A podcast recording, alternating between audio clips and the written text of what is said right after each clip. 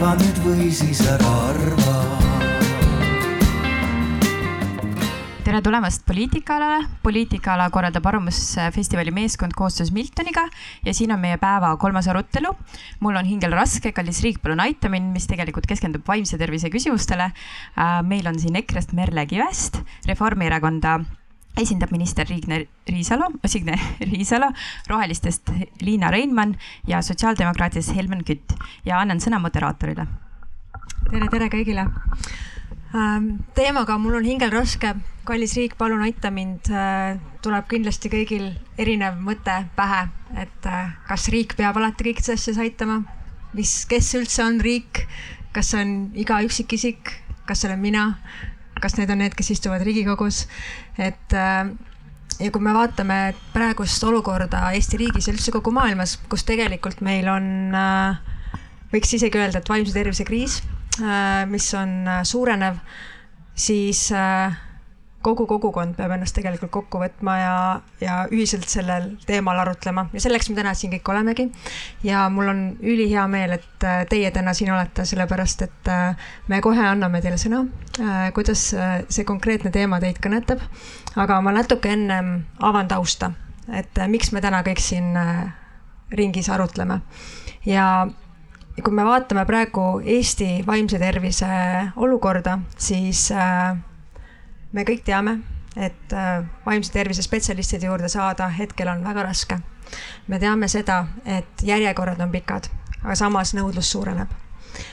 me täna arutleme selle üle, mida me kõik koos teha saaksime äh, ja kuidas üldse ühiskonnana toetada seda teemat, sest kui me vaatame inimeste õnnelikkuse taset, siis Äh, maailmas tehakse sellist äh, äh, uurimist, maailma õnnelikkuse indeksit ja seal eesotsas tüürivad Soome, Island, Taani ja Eesti on meil, vaatan kohe täpselt järgi, et ma õigesti ütleksin, Eesti on kolmekümne kuuendal kohal.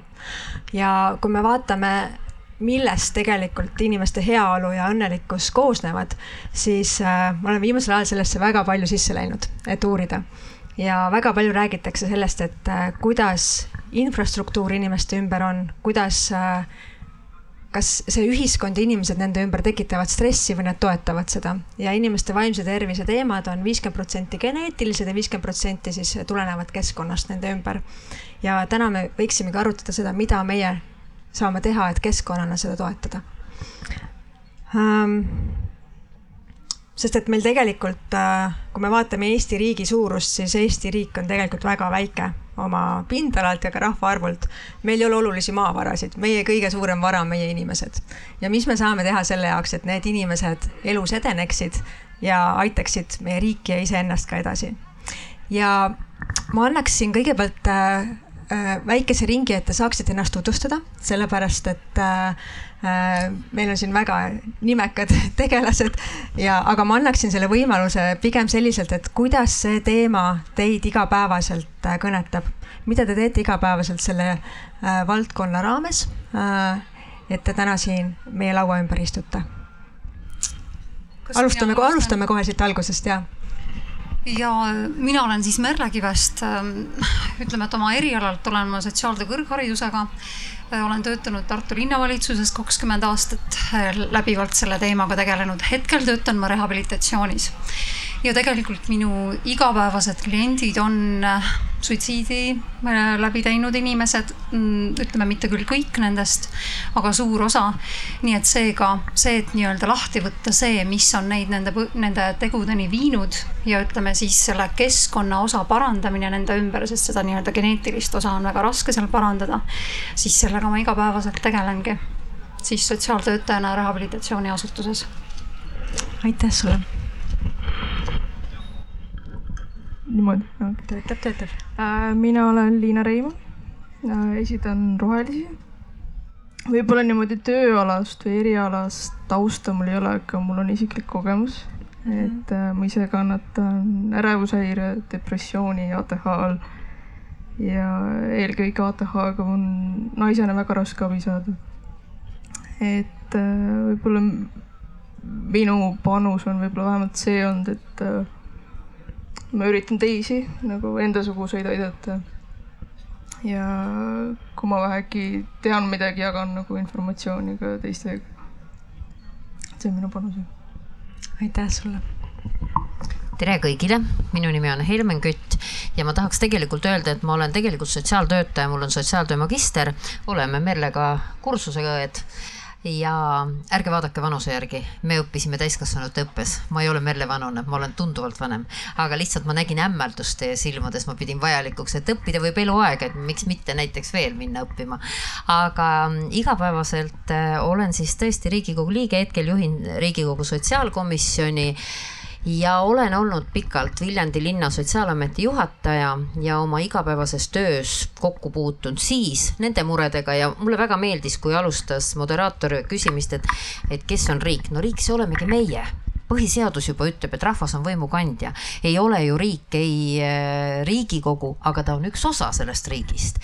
Ja selle teemaga võib-olla kõige rohkem on mind kõnetanud just see, et Riigikogus siis sotsiaalkomisjoni liikmena oma erakonna poolt õiguskantsleri noh, tähelepanu juhtimise järgi algatasime psühhiaatrilise abi seaduse muutmise, väga oluline osa, terve aasta käisin kõnelemas puldis ja siis seda vastu ei võetud, aga tänaseks on see vastu võetud ja see annab võimaluse mõnele noorele pöörduda psühhiaatri vastuvõtule ka siis, kui näiteks kodus on need, kes selle olukorra tekitavad, ehk siis ahistav pereliige või kasuvanem ja nemad ei anna seda nõusolekut, vanema nõusolekul, muidu sa ei pöörduda. nii et, et ähm, see teema kõnetab mind ja mulle tegelikult äh, ilmselt järgmises ringis me saame pikemalt kõigest sellest rääkida, aga mul on tekkinud mõte, et siin oli toodud näide, et meil on kõike vähe. meil on tõesti vähe ka sellise eriala töötajaid, järsku me peame hakkama siis teisest otsast sellega tegelema, ehk mõtleme, kuidas inimene rohkem ise saaks endaga hakkama ja seda noort selleks toetama ja õpetama et ta ei vajaks ja need, kes siis vajavad seda, ka saavad ilma pika järjekorrata, aga aitäh. minu kõige suurem viga on rääkimine, minule selle eest palka makstakse. Ja, ja see väga vabandan, võib-olla võtsin mõne teise aja ära. aitäh sulle, jõuame sinna kindlasti. Ja ole mureta, Helmen ei võtnud aega ära, et küll me jõuame kõik rääkida, aga jube kallutatud paneel on, kolm sotsiaaltöötajat, mina ka ju. Ja, ja selles mõttes ähm, on, äh, on eelkõnelejad juba üsna mitu head mõtet ära võtnud, et riik tõepoolest, see oleme meie aga riigil on ka terve hulk äh, funktsioone ja nende funktsioonide täitmise eest äh, vastutavad ikkagi lõppkokkuvõttes peaasjalikult valitsus ja teised riigiasutused. et ähm, igaüks loomulikult äh, saab teha midagi oma pereliikmete ja enda heaks, ka kogukonna heaks, aga selleks, et luua sellist tervikkeskkonda, kus on võimalik üksikisikul ja perekonnal hästi toime tulla või ka panustada teiste abistamisel, et seal on äh, riigil vaieldamatult äh, üsna palju rolle ja vaimses tervises me ju teame, et lähtutakse vaimse tervise püramiidist Äh, kus äh, see jäämäe tipp, mida me näeme, ongi need pikad järjekorrad. kahjuks on need pikad järjekorrad äh, tekkinud aja jooksul, sest on olnud pikka aega puudujääk püramiidi alumistel korrustel. ehk et tegelikult seda eneseabioskust, mis on kõige madalam tase, Eh, sealt edasi kogukonnas kättesaadavaid madala barjääriga teenuseid, kus ei ole ilmtingimata tippspetsialist. vaatan siin ka auditooriumi poole kogemusnõustamine, aga täpselt samamoodi nüüd käivitatud kogukonnapsühholoogi teemade ring. Aga miks ei, kõik need toetavad tegevused, mis on planeeritud lastega peredele, imelised aastad, vanemate oskused, samamoodi Kiva koolis, et kõik need on tegelikult ju toetavad tegevused, mida, mida riik on äh, toetanud, äh, rahastanud, alati saab suuremas mahus, aga teha on palju ja noh, mis minu siis kokkupuude, ma olen kakskümmend kuus aastat olnud Sotsiaalministeeriumis lastekaitse valdkonnas ja, ja sealt äh, kõigepealt äh, huvi psühholoogia vastu äh, ja ka see noh, vajakajäämine ühiskonnas mulle silma torkas. ja et siis ma täiendasin ennast ja käisin läbi magistri eeldusainete programmi psühholoogia valdkonnas et mõista paremini, mis on siis tegelikult vaimne tervis ja, ja kuidas inimestele läheneda. ja nüüd aastast kakskümmend üks ministri positsioonil esimest korda ministeeriumi selle rii-, selle eelarve rea peal, kus oleks võinud olla rahvatervise osakonnas mingidki summad vaimsele tervisele, siis tõesti esimest korda nüüd teist aastat järjest, mõlemal korral lisaeelarvega mõlemal aastal ja tegelikult ka püsirahastusena kolm miljonit on tänaseks olemas. see on pisku, aga me saame sellega alustada ja ma pean ka teile ausalt ütlema, et oleks seal kolme miljoni asemel kolmkümmend miljonit, me ei suudaks ei oskaks seda ära kasutada, sest ainult raha ei aita, meil on palju enamat vaja üles ehitada. ja on ka olemas nüüd vaimse tervise osakond, kes äh, tegeleb nende teemadega.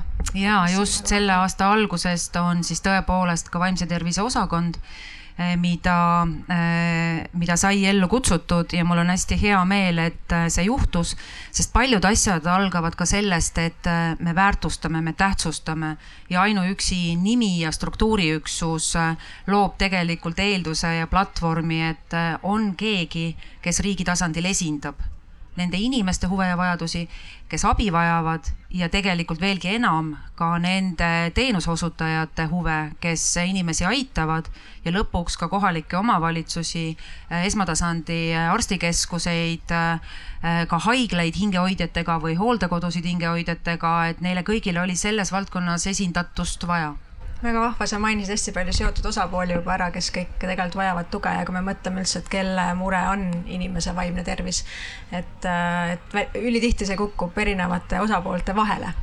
Et, äh, et enne kui me läheme lahendusi otsima, ma hea meelega annan ka sõna äh, publikule äh,, kui me lahenduste osa juurde jõuame, aga natukene veel probleemist, sellepärast et äh, iga inimese jaoks on see probleemi tajumine tegelikult äh, individuaalne ja erinev ja ma tahakski seda probleemi natukene koos avada, et me kõik saaksime ühiselt aru, äh, missuguses ühiskonnas Eestis me täna hetkel elame.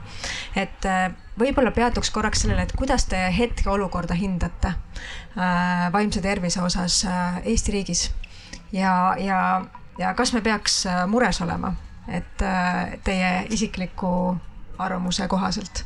ma võib-olla alustame jälle siitpoolt no ma arvan, et mures me peaksime olema küll, sest see hoiab meid nii-öelda fookuses selle juures, et me tegeleksime õigete teemadega, et me nii-öelda liiguksime selles suunas, kus on lahendused võib-olla mina näen praegu ikkagi noh no,, nii nagu Signe ütles, et tegelikult meil on see nii-öelda alumine kiht ähm, korda tegemata, siis mina näen ühe probleemina ikkagi seda, et me ei ole suutnud täielikult ikkagi lahendada vaesuse probleemi meie riigis. et ikkagi väga paljud probleemid, mis jõuavad nii-öelda minu töölauale, on ikkagi seotud sellega, et kui me läheme miinimumpalgaga tööle, siis tegelikult see ei taga meie äraelamist. kui me elame näiteks Tartu linnas üürikorteris, siis me ikkagi oleme selle olukorra ees, et ähm, kui me olime töötud, saime toimetulekutoetust ja minnes tööle siis miinimumpalgaga, oleme me ikka toimetulekutoetuse saajad. et ähm, ütleme, et need sellised elementaarsed, fundamentaalsed toimetuleku julgeolekuprobleemid on meil ikkagi veel väga teravalt olemas. kui nüüd sellel nii-öelda inimesel on ka veel ülalpeetavad, noh siis juba on see, et kui meie baasvajadused on ikkagi paljudel lahendamata, siis noh, ainult nii-öelda nendest äh, oskustest selgelt sotsiaalseid oskusi on puudu, kõiki neid igapäevaelu oskusi võiks inimestel olla paremal tasemel, et nad iseenda nii-öelda emotsioone mõistavad ja kogu see nii-öelda suhtlus äh, kaaslastega oleks ka toetav, seesama keskkonna osa, mis äh, nii-öelda koolist peaks tulema ja perekonnaringist. et on noh, väga palju selliseid äh, lahendamata probleeme. nii et noh, see on nagu hästi üldine öelda, et see olukord ei ole kiita, aga noh, võib-olla ma selle vastusega praegu piirdun. aitäh sulle. Äh, Liina, sul on isiklik kogemus ja kindlasti äh, tänu isikliku ko kogemusele on see nii-öelda märkamine enda ümber ka kõrgendatud võimekusega, et, et mida sa märkad enda ümber praegu? No minu arvates ähm, kõige võib-olla šokeerivam on näiteks see olnud eriti nüüd see suvi, kus äh, niigi näiteks psühholoogid ja psühhiaatrid on puhkustel. ja täitsa enda kogemus oli nüüd juulikuus, kus äh, ma pöördusin äh, PERH-i psühhiaatriakliiniku erakorralisse. aga mind ei võetud vastu, sest et lihtsalt voodikohti ei ole ja voodikohti ei ole sellepärast, et töötajad on puhkusel.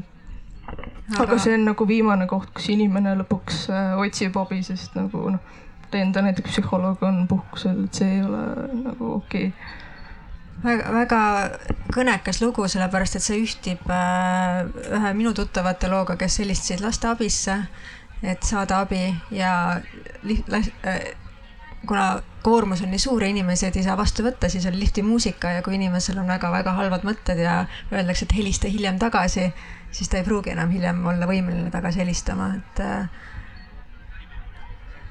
selge, arutame nende lahenduste üle natukese aja pärast, aitäh sulle ja et minu meelest seesama näide, mis praegu siin sai tuua, et kindlasti me peaksime olema mures. aga see mure eh, just nimelt nende teemadena, mis praegu ka välja siin tulevad, on see puhkused või on see juurdepääsu piiratus, peaks olema just see, mis panebki otsima nagu selles mõttes selliseid lahendusi, kuidas siis tegelikult edasi. see vaimse tervise probleem on nii salakaval probleem, et koolis või töökollektiivis väga õnnelik inimene, kes paistab rõõmus abi, abivalmis, aktiivne, on tegelikult seesmiselt ja koju minnes väga kurb ja õnnetu või läbi põlenud. et see võib olla tööstress, see võib olla koolikiusamine, aga see võib olla ka praegune olukord, mis tegelikult ikkagi, me elame ju Euroopas, kus on sõda.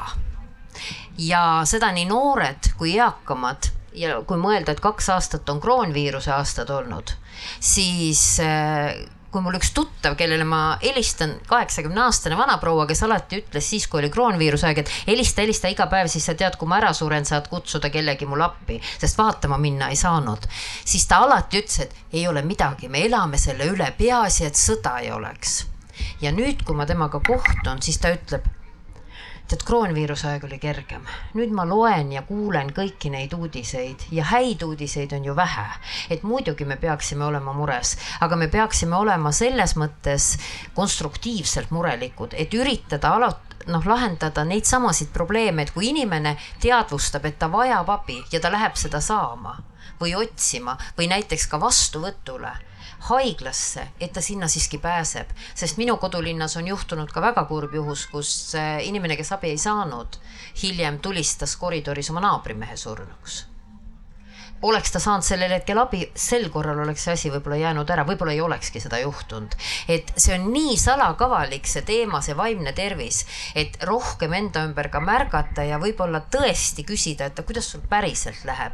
et me ei saa eeldada, et kõike jõuab ka pere teha, sest seesama näide, mille Merle tõi, alampalk selleks, et alampalkagi saada, selleks tuleb ka palju tööd teha ja see ei ole inimese süü ta töötab kaheksa tundi, ma ei hakka rääkima, et ka tulevikus pension on väike alampalgaga, aga äh, see ei ole see, et äh, tal jääb kõigeks aega, et ta tunneb tihti ka süüdi ennast lapsevanemana võib-olla ebaõnnestununa, et tal ei ole piisavalt aega lapsele jaoks ja lapsed tunnevad ennast, kui neil on mured, ma ei taha oma koormatuid vanemaid veel kurvastada. Ja nad ongi tihti üksi selle murega, et muidugi me peaksime rohkem märkama ja muidugi peaksime ka otsima selliseid lahendusi, mis seda probleemi noh, aitavad aitäh, üks osa on kindlasti jah, sellel äh, soovil, aga teine on ka oskusel, et osad vanemad isegi ei oska märgata, sest kui käsi on küljest ära, kuskilt verd tuleb, siis sa oskad märgata seda, aga kui hingel on valus, siis seda on raske märgata. aga annan sõna Signele.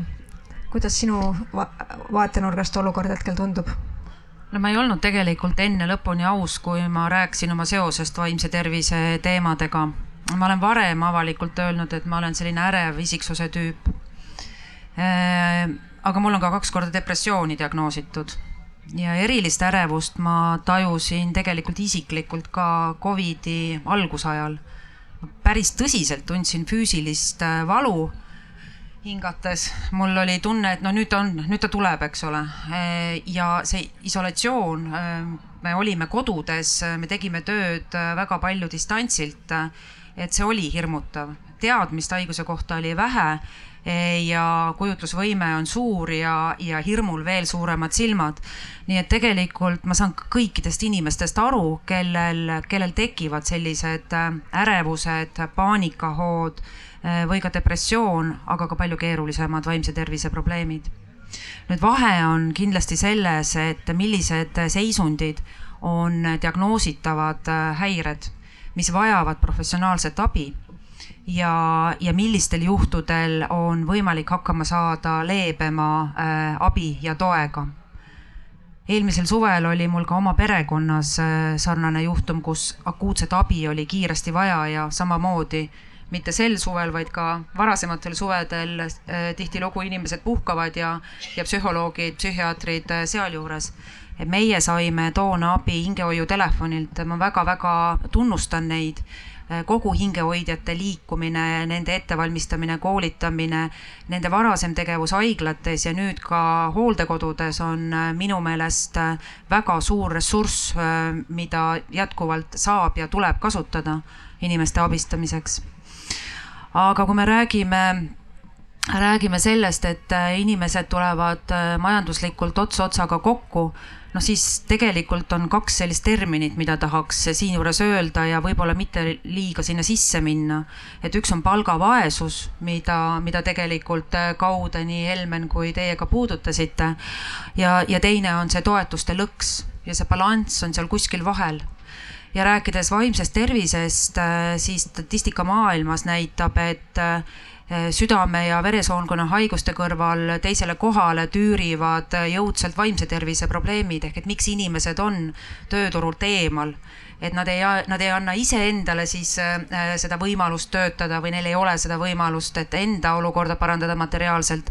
aga ka ühiskond on nende töötundide ja võime võrra vaesem ja samal ajal on nad suurema abivajadusega ja seda ühiskonna ühist hüve kasutavad äh, rohkem. Ja selles olukorras, kus me oleme paratamatult siiski väheneva ja, ja teadupärast ka vananeva äh, ühiskonna lävel, siis iga töökäsi on ülioluline ja see tähendab, et iga inimese aitamine on ülioluline.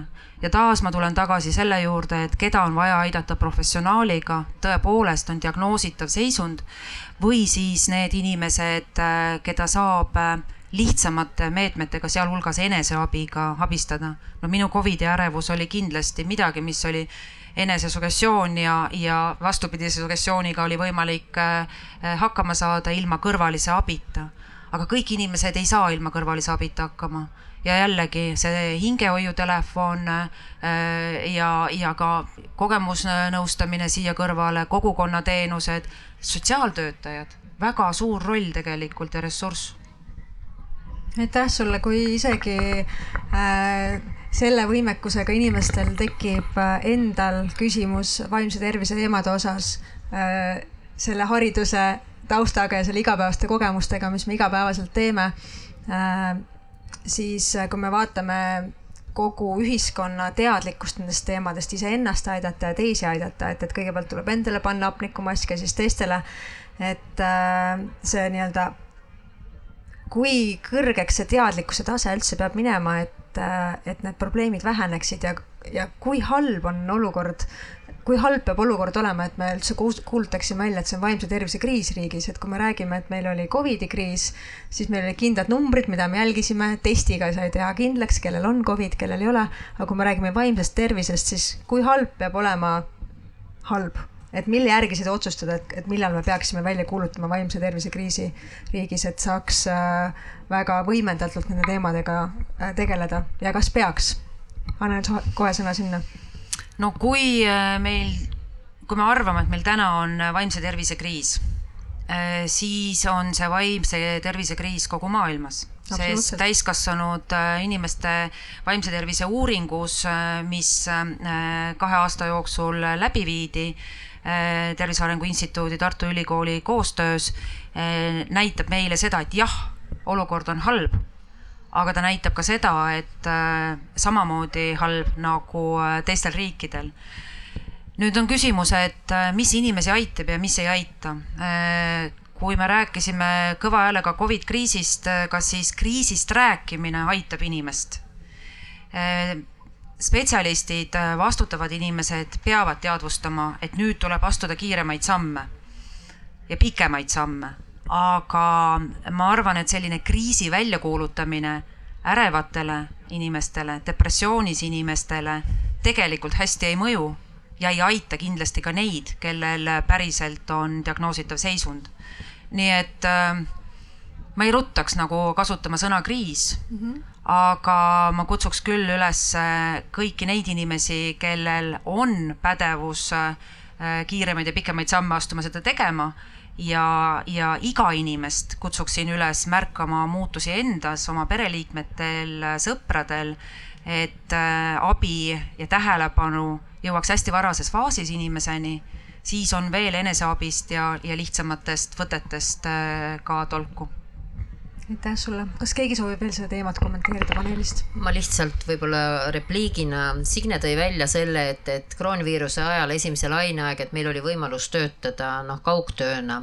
see oli privileeg, kellel see võimalus oli, aga käies toidupoes ja nähes neid hirmunud nägudega müüjaid väga väikese palga eest töötamas, neil ei ole privileegi töötada kodus, nemad töötasid, nii õed, arstid, päästjad, politsei, nemad olid iga päev olemas ja tööl ja täpselt samuti sotsiaaltöötajad, töötajad, kauplustes müüjad ja need, kelle poole me vaatasime siis veel nagu noh, et nemad oskavad aidata, nemad saavad meid aidata, et see oli privileeg töötada kaugtööga, mis kindlasti on tulnud, et jääda, et jumal tänatud, et meil internet on ja täname taevaisa, et ka selle on andnud, aga aga, aga nüüd kriisi osas, et ma olen väga nõus sellega, et ainult väljakuulutamine ei ole lahendus.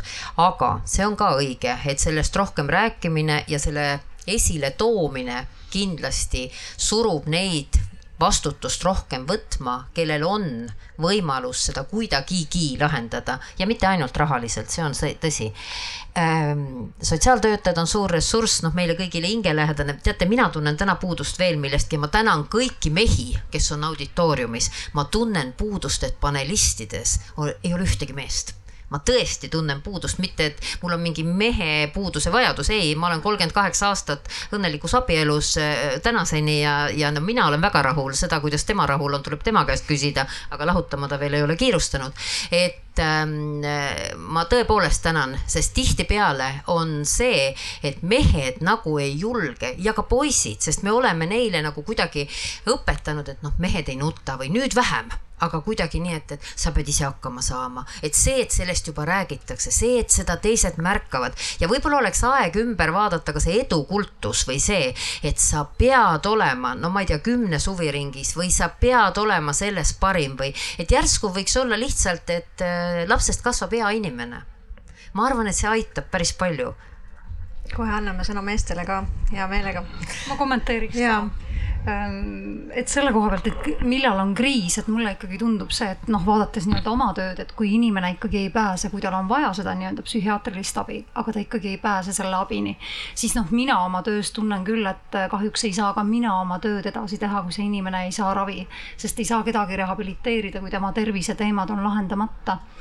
ja tegelikult äh, see teema küll on see, mida siis meie oma valdkonnas peame kindlasti selgelt, me ei küta mingisugust nii-öelda paanikat ülesse, aga siin on on vaja leida neid lahendusi. sest need psühhiaatrid, kelle Eesti riik koolitab välja ja kes tegelikult liiguvad välja tööle välismaale, noh, juba sellisel tasandil teemad tegelikult, et me peaksime leidma need võimalused, kuidas äh, need spetsialistid ikkagi jääksid Eestisse tööle. et võib-olla siin ka on noh, juba nii-öelda lahenduste rubriigina, et mõelda seda, et ähm, et äh, nendele spetsialistidele peaks jääma teatud aeg kohustus töötada Eestis, et me ikkagi ei kulutaks seda oma riigi raha asjatult, vaid et me saaksime ka sealt tagasi selle kvaliteetse abi, mida meil vaja on.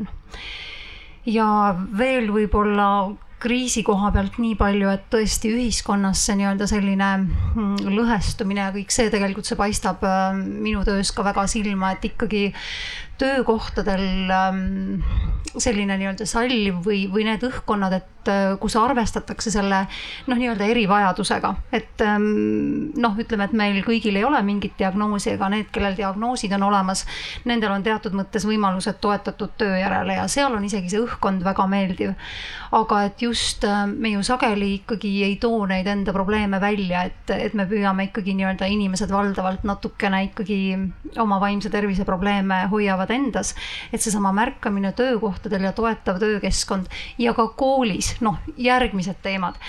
lapsed on koolis Eestis, aga nad ei ole seal õnnelikud, et kui sa enne tõid välja selle, et Soome nii-öelda on, on oma nii-öelda rahuloluga, eluga rahul see nii-öelda küsitlused on näidanud seda, kuidas seal lapsed käivad õnnelikult koolis, siis noh, on ka need kohad küsida, et miks meie lapsed ei ole õnnelikud, kui nad koolis käivad. mul on endal kaks poega. noh, nad ikkagi nii-öelda, ma tean, et see on suur õnn, kui see põhikool on läbi saanud, sest noh, ikkagi nii-öelda seda rõõmu koolis käia, noh, ma usun, ei ole väga paljudel, et midagi seal on sellist, mida me saame kindlasti muuta, et nüüd ongi need kohad, et mida me siis peaksime seal muutma. et võib-olla need sotsiaalsed oskused ja see nii-öelda äh, rahulolu, et need on need kohad, mida me peaks õppima soomlastelt, miks nende lapsed on rahul ja võib-olla need PISA testid ei ole alati number üks, mida me peaksime suutma alati täita. et tähtis on see, et me ikkagi suudaks ka selle koolis käimise rahulolu saavutada jah. aitäh, Signe, kohe ma annan sõna sulle, aga võib-olla lihtsalt äh, äh, teadlikkuse tõstmiseks äh, koolinoorte vaimse tervise osas paar statistilist tähelepanekut, et võib-olla sinu lauale jõuab ka, et Eesti noorte suurim surmapõhjus on enesetapud ja viimase uuringu kohaselt, äh, mis on läbi viidud on, on kolmkümmend kaks protsenti Eesti õpilastest on alla normaalse heaolu äh, indikaatorite, mis tähendab seda, kes vajavad juba toetatud abi.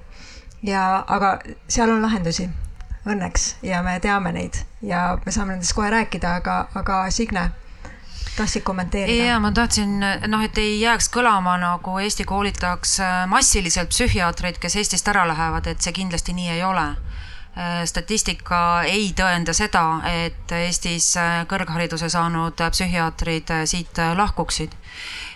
Küll aga on psühhiaatriks, aga ka kliiniliseks psühholoogiks õppimine pikk teekond käia. Ja meil on jäänud liiga pikk paus, nii et kiiresti peale tulevat kvalifitseeritud personali meil loota ei ole, mis tähendab seda enam, et püramiidi alumiste astmetega tuleb toimetada aga noh, hea uudis on see, et äh, psühholoog-nõustajate kutseaasta rahastamist me alustasime viieteist õppekohaga, äh, mis on püramiidi alumine trepiaste, eks ole, aga ka kliiniliste psühholoogide kutseaasta mahtu sai kasvatatud äh, viie õppekoha võrra, nii et, et need on need väiksed võidud mm, -hmm. mida on olnud võimalik võtta rääkides keskkonnast, kus me elame, et siin tuli töökeskkond ja koolikeskkond, siis loomulikult ei ole võimalik äh, ehitada üles inimeste heaolu sellele, et äh, kui läheb untsu, siis tuleb abi. ei ole niimoodi, et inimene ise, aga ka, ka kool, äh, samamoodi töökoht on vastutavad selle keskkonna loomise eest ja järjest enam tööandjad sellele ka tähelepanu pööravad. meil on äh, selline mitmekesisuse märgis olemas, äh, kus me siis tunnustame neid ettevõtjaid ja töökohti, kes märkavad inimeste erivajadust ja samamoodi ka töötaja ja peresõbraliku ettevõtja või tööandja märgis ja, ja koostöös nüüd selle uue äh, vaimse tervise osakonnaga sai loodud juhismaterjalid nii tööandjatele, koolidele, seda koos Haridusministeeriumiga, äh, haiglatele või tervishoiuasutustele, mismoodi oma inimesi, mitte, mitte kliente ja patsiente mm, -hmm. vaid oma inimesi, oma töötajaid hoida ja aidata, et meetmed ei ole alati väga keerulised ja väga kallid, aga, aga seda tuleb teha pidevalt ja sihipäraselt. väga tänuväärne, aitäh sulle selle eest. kui me, kui me siin pidevalt räägime vaimse tervise püramiidist, siis ma võib-olla natuke räägin lahti selle olemasolu, et äh, on tulnud välja väga-väga äh, ülevaatlik äh, ülevaade Eesti äh, elanikkonna vaimse tervise olukorrast, mille nimi on Roheline raamat ja seal on äh, väga vahvasti välja toodud vaimse tervise püramiid, mis tähendab siis seda, et vaimse tervise püramiidi alumises otsas on eneseabi, ennetus ja kõik need asjad, mida me ise inimestena, ühiskonnana saame teha. ja mida ülevale poole see vaimse ter tervise püramiid liigub, seda äh, äh, kuidas eesti keeles on intervention äh,, sekkumised lähevad kliinilisemaks. et, et seal kõige ülemises otsas on siis psühhiaatrid ja haigla äh, sekkumine. ehk et äh, kui me räägime vaimse tervise alumisest otsast, kus me kõik saame üksteisele toeks olla, siis see on äh, eneseabi ja ennetamise äh, valdkond ja kui me, kui me seda vaatame, siis äh, kõige kallimad äh,, rahaliselt kõige kallimad lahendused on alati seal vaimse tervise püramiidi ülemises otsas, et kui me vaatame siin näiteks kasvõi hästi väike väljalõige nagu vaimse tervise kuludest on depressiooniravikulud, mis on Eestis äh, aastatel kaks tuhat neliteist kuni kaks tuhat kakskümmend tõusnud viiest miljonist eurost kuni üheteist koma nelja miljonini.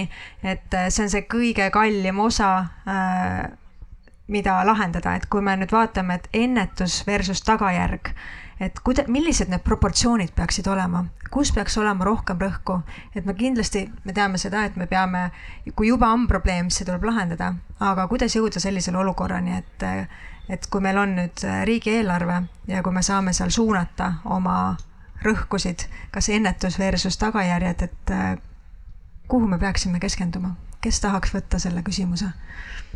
vastuse?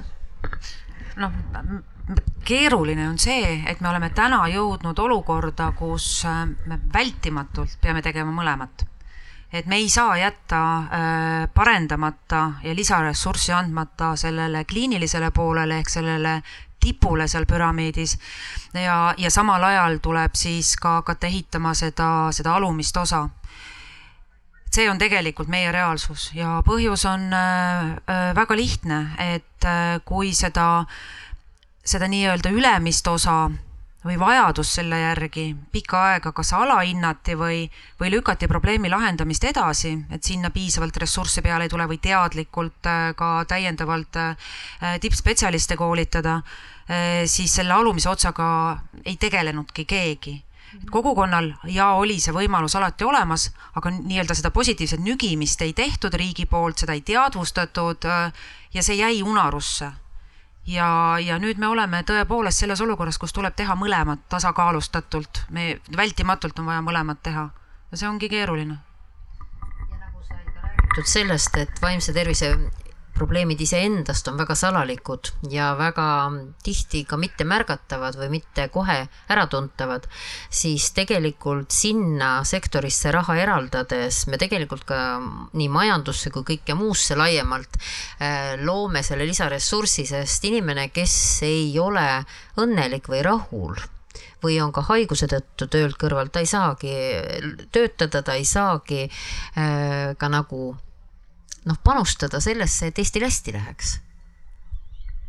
aitäh sotsiaaltöös on ju tegelikult elementaarne see, et ikkagi me ju ennetame, et üldse ei tekiks probleeme, et ideaalis ja teoorias ongi kõige olulisem see, et me oleme valmis, me teame, me nii-öelda koolihariduse osa on ka see, kuidas ennetada neid vaimseid probleeme ja ka nii-öelda vanemate hariduse ja kõik need, sest noh, tegelikult ju rehabilitatsiooniasutus ju oma olemuselt tegelebki sellega, et vanemaid koolitada, et nad saaksid iseendaga hakkama ja, ja lastega ja kõige sellega, et meil kasvakski nii-öelda tervem ühiskond. ja see võib-olla peakski olema meie mõtlemises nagu ja üldse tulevikus elementaarne, et nii nagu tõesti esmaabikoolitused või, või nii-öelda ka tulevikus, noh, hommikul me kuulasime siin nii-öelda kriisiennetuse loengut, siis tegelikult see valmisolek, et meie nii-öelda vaimne haridus, meie emotsionaalne tarkus ja kõik need ikkagi saaksid koolihariduse osaks. ma arvan, et see on see ideaalne tulevik, mille poole me ikkagi peaksime püüdlema ja selge, praegu kustutame tuld, kui on seda vaja kustutada, aga et püüdleme ikkagi selle poole, et seda poleks vaja kustutada. Signe. ja mulle õudselt meeldib, meil on nii hämmastav üksmeel, et tegelikult äh, ilmselt äh, need probleemid, aga ka lahendused on, ongi meile tuttavaks saanud äh, viimastel aegadel üsna ühtemoodi ja, ja ma tahtsin lisada, et seesama kooliharidus, absoluutselt nõus, äh, samamoodi vanemlusprogrammid, äh, imelised aastad on ülioluline, et me suudaksime seda rohkematele vanematele pakkuda, sest terved peresuhted ja, ja oskuslikud vanemad on tegelikult selle baasi loojad või, või selle vundamendi loojad, mille pealt äh, noored inimesed oma elu ehitavad ja, ja ka need käitumismustrid, toimetulekuoskused, äh, need õpitakse tegelikult kodus. äh, kuidas reageeritakse probleemidele, kuidas juhitakse oma emotsioone, milliseks kujuneb minapilt äh, kas vanemad hurjutavad ja, ja alavääristavad või tunnustavad ja kiidavad väikse, väikeste võitude või, või, või hästi läinud äh, asjade eest. et see kõik on hästi oluline, aga see ei ole loomulik meil igapäevaselt.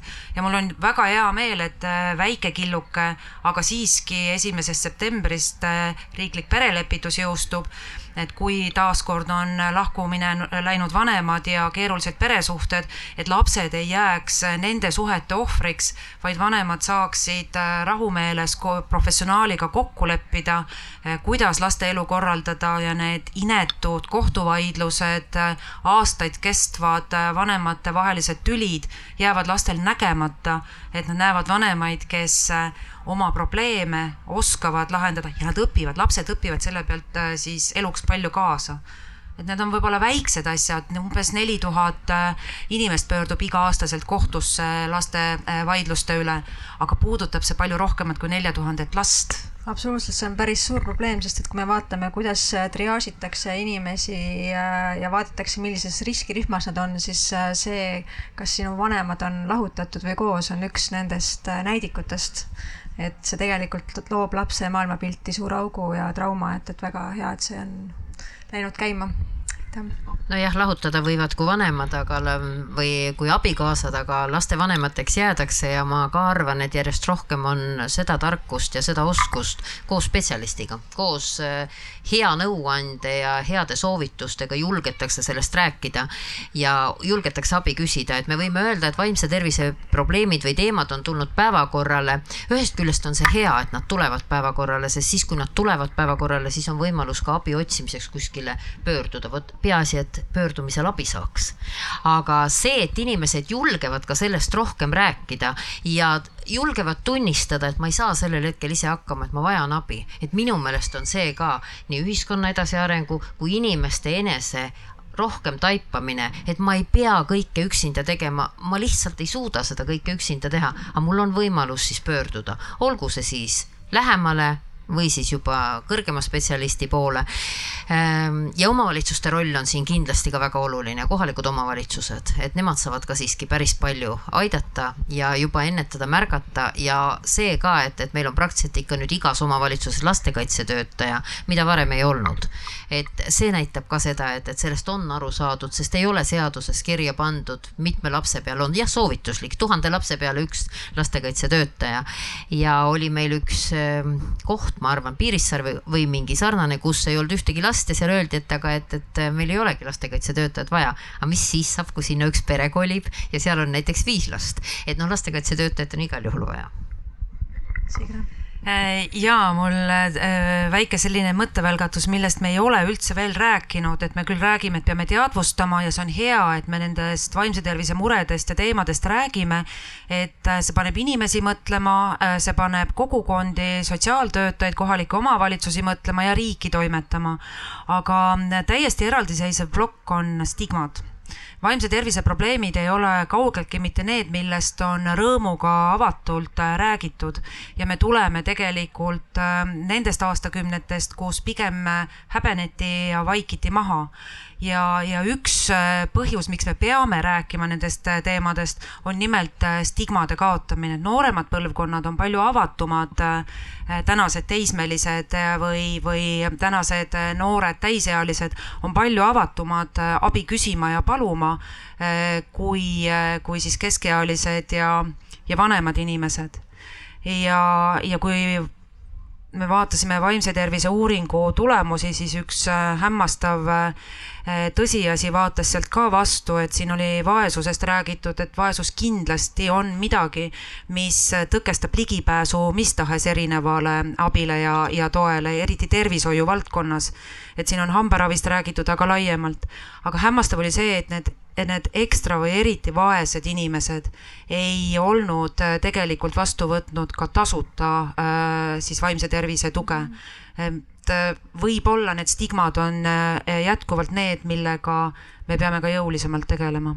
noh, vaimse tervise teemad ei ole veel teadvustatud kui äh, esmaabi äh, vajadusega asjad, et, et kui me vaatame, kus inimene äh,, inglise keeles on see nagu äh, growth versus nagu pain, et kui sa oled, kui sa oled sellises äh, olukorras, kus sa tegelikult võitled selle eest, et nagu eluga hakkama saada, et igapäevaselt leiba endale laua peale tekitada, siis sa tegelikult äh, vaimse tervise teemad kipuvad jääma tahaplaanile. ehk et e-, esmalt vaadatakse, kuidas riided selga saab ja kuidas äh, toidulauale saab. ehk et kõikide asjadega korraga tegeleda võib-olla ongi keeruline. aga, aga siin ennem tuli ilusasti välja ka perekonna roll ja, ja et, et kui pere on ümber tugev ja, ja märkab ja, ja tegeletakse perekondade tugevdamise ja teadlikkusega, siis on ka olukordasid, kus ka kõige tugevamates perekondades ei osata märgata või ei taheta märgata või ei olegi perekonda ümber, kes ei oska märgata. et siit mul tegelikult läheb edasi äh, mõte järgmise küsimuseni, et, et milline üldse on riigi roll, et, et ja kelle mure on inimese vaimne tervis, et, et enne kui ma siin aruteluringi teeks, ma võib-olla teeks väikese küsitluse rahva hulgas, et äh, küsiks, et äh, kas, kas, kas vaimne tervis on inimese enda probleem või see on äh, riigi mure? ehk et äh, kõigepealt küsi-, me inimese enda probleem, et need, kes usuvad, et see on inimese enda probleem, tõstku käsi püsti selge. Äh, kes arvavad, et see on riigi mure mm? -hmm. selge, et äh, siin oli väga palju käsi veel tõstmata, nii annan sõna kohe sinna.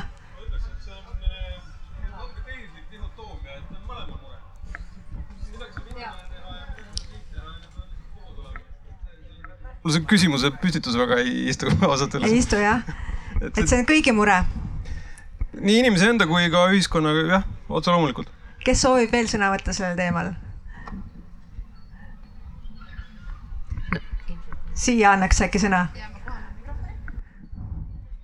ja lihtsalt, et siin nagu noh, mulje nagu, et see on vastandumine, et see sõltub mm, -hmm. see on väga juhtumipõhine mm. -hmm. et äh, ühtpidi saab vastutust ise võtta, aga kui inimesel on juba nii halb, et ta on ohtlik iseendale ja kaudselt ka teistele, et äh, et siis tuleb vaadata jah, et kes iganes see riik on, kas naabrinaine või piirkonna kohaliku omavalitsuse sotsiaaltöötaja ja nii edasi ja nii edasi väga hea, siin läks, siin läks teema jälle inim, inimese tasemele, et tegelikult on inimesed need, kes loovad riiki ja need on inimesed, kes märkavad ümber. et aga kui me vaatame, et mis tegelikult äh, on üldse riigi roll selle teemaga, et äh,, et mida saab riik ära teha, et äh, mis teie nägemus on selles osas? Kes tahab kohe esimesena sõna võtta, võib võtta, et aga annan sõna kõigile no kõigepealt on äh, kindlasti riigi roll äh, see, et loob tingimused inimestele ähm, selleks, et teadvustada oma tervise hoidmise vajadust, sealhulgas vaimse tervise hoidmise vajadust. see algab, nii nagu siin varasemalt räägitud oli, perekonnast mm, -hmm. kooliharidusest, äh, töökohtadest. ja selleks on äh, ühtepidi siis hulk nügimisi, nügimise meetodeid, kuidas panna erinevad osapooled äh, inimestele seda toetavat keskkonda looma.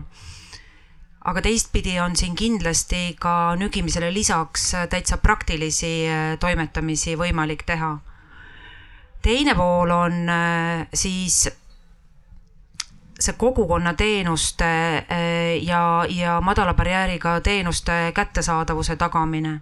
et vaieldamatult eh, on siin riigil oma roll ja võimalus olemas mm. -hmm. ja sellepärast eh, me oleme täna hästi nagu õnnelikud selle üle, et me saime alustada kogukonnapsühholoogide palgatoetuse pakkumisega riigieelarvest kohalikele omavalitsustele ja ka siis vaimse tervise teenuste osutamiseks äh, äh, rahalist toetust saame pakkuda. suurusjärgus pooled omavalitsused on selle toetuse saamiseks taotlusi teinud ja, ja ka abi saanud. et need on nagu, nagu ühtepidi kindlasti nagu sellised, selle esimese tasandi loomisega seotud, aga nii nagu siin varasemalt juttu oli, et siis seda jäämäe tippu tuleb samamoodi ehitada ja me ei jõua mitte kunagi sinna, et, äh, et sellel hetkel, sellel minutil, kui inimene abi vajab, see tipptaseme abi temani jõuab. aga me peame jõudma sinna, et seniks, kuni ta jõuab selle tippspetsialistini, on äh, olemas see jada toetavaid tegevusi ja teenuseid, et ta ei jää üksinda, et ta ei jää abita, et tema seisund ei, ei läheks äh, hullemaks. Ja seda, seda saab äh, riik koos kohalike omavalitsuste, teenuse osutajatega, mittetulundussektoriga äh, kindlasti korraldada aitäh sulle. no ja üks asi ilmselt, millest võiks veel juurde lisada või rääkida, on ikkagi ka see, et, et kooliharidusse ja perekonnaõpetusse ka see, et, et inimene siiski kergemate probleemide ja murede korral ja laps ka, et esimene asi, et räägi sellest, et ta julgeks seda teha. teine asi on, mida sa ise saaksid teha, et see kergem oleks, et, et need asjad on ka hästi olulised. et minu meelest koolihariduses sellest äh, nagu vähe räägitakse, meil on ikkagi see edukultus väga teravalt sees, et ma näen siin muutusi ja ma näen siin ka noh, Paikoniti erinevaid lähenemisi, seal hästi palju aitavad kaasa Kiusamisvaba Kool äh, ja, ja aitavad ka kohalikud omavalitsused, kes on saanud aru, et äh, inimese jaoks kõige tähtsam, aga ka laiemas mõttes äh, omavalitsuse ja riigi jaoks kõige tähtsam on see, kui õigel ajal selle abi saab. et et äh, need asjad, kui need niimoodi süsteemselt teha, et ma mõistan, omavalitsused esitavad projektitaotlusi, aga me nagu aru saame ja kuuleme, et me elame siiski, Eesti on nii väike. Ja pooled omavalitsused on esitanud, maksu maksame me igal pool ühtemoodi aga pooled on esitanud, miks need teised pooled ei ole esitanud, ei ole Eestis sellist paralleeli või joont, et siinpool elavad õnnelikumad inimesed ja need omavalitsused ei vaja seda toetust. et mul on noh, nagu mure, see projektipõhine liikumine, et, et jah, muidugi vägisi ei ole mõtet kellelegi, kui ta seda ei kasuta õiglaselt, aga see projektipõhine liikumine või, või selline jätab tegelikult tihtipeale need piirkonnad, kus seda abi võib-olla kõige rohkem vaja on no vaata, vaeslapse otsa. siin, eks see on nagu see lugu, et äh, me teame, kui keeruline on erinevaid äh, seadusemuudatusi teha, eriti kui nad eeldavad rahalist ressurssi. et need esimesed sammud, mida siin Covidi aastate järgselt oli võimalik teha, kui, kui Kaja Kallase esimene valitsus tuli ja me esimesed ressursid saime, et siis see oli see esimene kõige kiirem liigutus, mida, mida sai teha. aga loomulikult ka eesmärk on, et sellest saaks püsiv toetus kohalikele omavalitsustele ja mitte taotluste esitamise näol, vaid, vaid automaatselt, olgu ta siis äh, kohaliku omavalitsuse inimestele hästi teada toetusfondi kaudu või, või tulubaasi kaudu, et äh, see on oluline. aga mul on hea meel, et Helmen esindab sellist omavalitsust, kes on kaasa tulnud kõikide tõesti kõikide selliste algatustega, mis on üldse võimalik, et alustades sellest, et äh, haridusvaldkonna tugispetsialistid on ühe katuse alla viidud ja, ja kättesaadavaks on tehtud äh, muuhulgas psühholoogiteenus ka lasteaias käivatele lastele, see ei ole kaugelt nii kõikides Eesti omavalitsustes. vastupidi, äh, kõik kooli, koolidki ei ole kaetud psühholoogidega. Ja, ja üks kuuest omavalitsusest on Viljandiga see, kus perepesa avati lahti ja see on siis äh, väikelastele ja nende vanematele, et abistada ja ennetada nende probleemide tekkimist, hästi suurepärane. Kui sa mainisid ennem koolikeskkonda ja seda, et, et inimesed räägiksid ja, ja äh, tooksime probleeme avalikkusele, siis me peame ka rääkima sellest, et äh, kuidas me saame toetada seda kultuuri muutumist koolis ja kuidas me saame toetada seda, et inimesed, kes on see vastuvõtja rollis, et nende empaatiavõimekust äh, ka toetada selles teemades, kuna tegelikult äh, Äh, vahest on väga raske nende teemadega tegeleda, kui nad tulevad avalikuks, et, et isegi kui sa tead, et sel lapsel on ärevushäired, depressioon, aktiivsus, tähelepanuhäired, et õpetajatel on vahest raske toetada isegi neid teemasid, et, et, et kuidas toetada õpetajaid selles kõiges, kuidas muu, viia läbi seda muutust kultuuris, et rääkimine on okei okay ja kuidas tekitada sellist usalduslikku kultuuri, et tegelikult äh, ei teki seda, et äh, kui sa räägid oma probleemist, siis äh, sinust arvatakse kuidagi teistmoodi, vaid tegelikult, et äh, sa oled julge ja sa oled tubli ja sa tegelikult sa saad oma probleemile lahenduse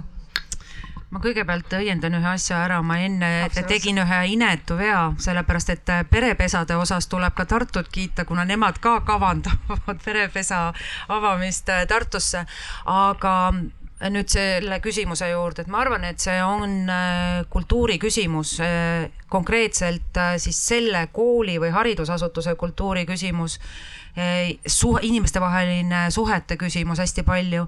Ja koolipsühholoog äh, on ju tegelikult ellu kutsutud mitte selleks, et abistada konkreetset last ainult, kuigi ka see roll on tal olemas, vaid et luua seda kultuuri, mis on toetav selles organisatsioonis. Toetada õpetajaid, anda õpetajatele tööriistu ja Kiva on, on siis ka üks nii-öelda tööriistakast, mida on võimalik kasutada. Ja ma usun, olles siis lapsevanemana seotud sellise kooliga, kus Kiva on aktiivselt käima läinud, et see aitab lähendada õpetajaid, lapsevanemaid, lapsevanemaid omavahel, ka õpetajaid omavahel ja et sellest sünnib nagu midagi paremat.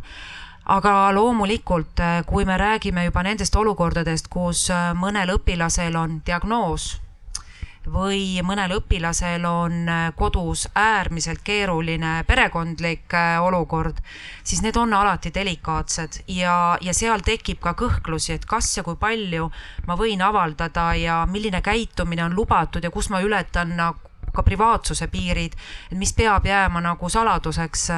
mina soovitan kõikidel kõhklejatel konsulteerida lastekaitsetöötajatega, sest nemad on varustatud äh, ja ettevalmistatud nendele küsimustele vastama mm. -hmm. kui asjad osutuvad liiga keeruliseks äh, haridusasutuses, siis lastekaitsetöötaja on see, kes oskab nõu anda ja, ja vajadusel ka neid järgmisi sekkumisi ja samme astuda.